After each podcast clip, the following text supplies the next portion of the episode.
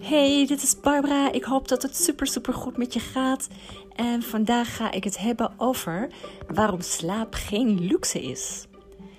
De meeste mensen staan er namelijk niet bij stil, maar slaap is net zo belangrijk als voeding. Zonder voeding ga je dood, maar zonder slaap ga je ook dood. Nou, maar nu bedoel ik natuurlijk 0% slaap. Er bestaat een zeldzame genetische aandoening dat begint met lichte slapeloosheid dat geleidelijk erger wordt. Enkele maanden later kan de persoon helemaal de slaap niet meer vatten.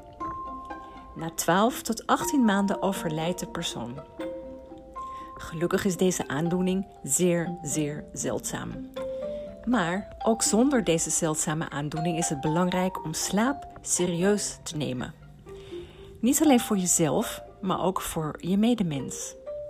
Ik hoef je niet te vertellen wat niet uitgeruste mensen kunnen veroorzaken in het verkeer.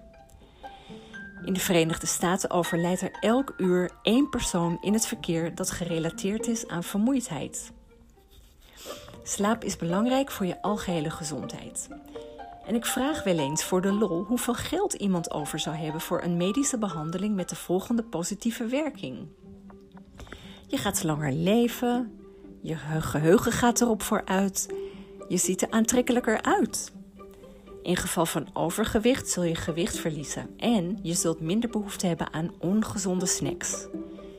Het beschermt je tegen kanker en dementie en je zult bijna geen last hebben van verkoudheid en griep.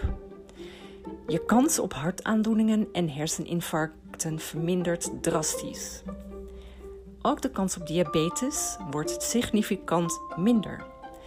Je zult je gelukkiger voelen, minder depressief en minder angstig. Nou, heb jij daar interesse in? Goed nieuws. Het is gratis en het is gewoon beschikbaar voor iedereen. Maar met het woord gewoon eventjes tussen aanhalingstekens natuurlijk, want voor veel mensen is slaap niet gewoon. De mens is trouwens de enige dier op aarde met slaapproblemen. Wat dat betreft is de mens wel een heel apart dier. Ik uh, zie je in een volgende podcast. Bye voor nu.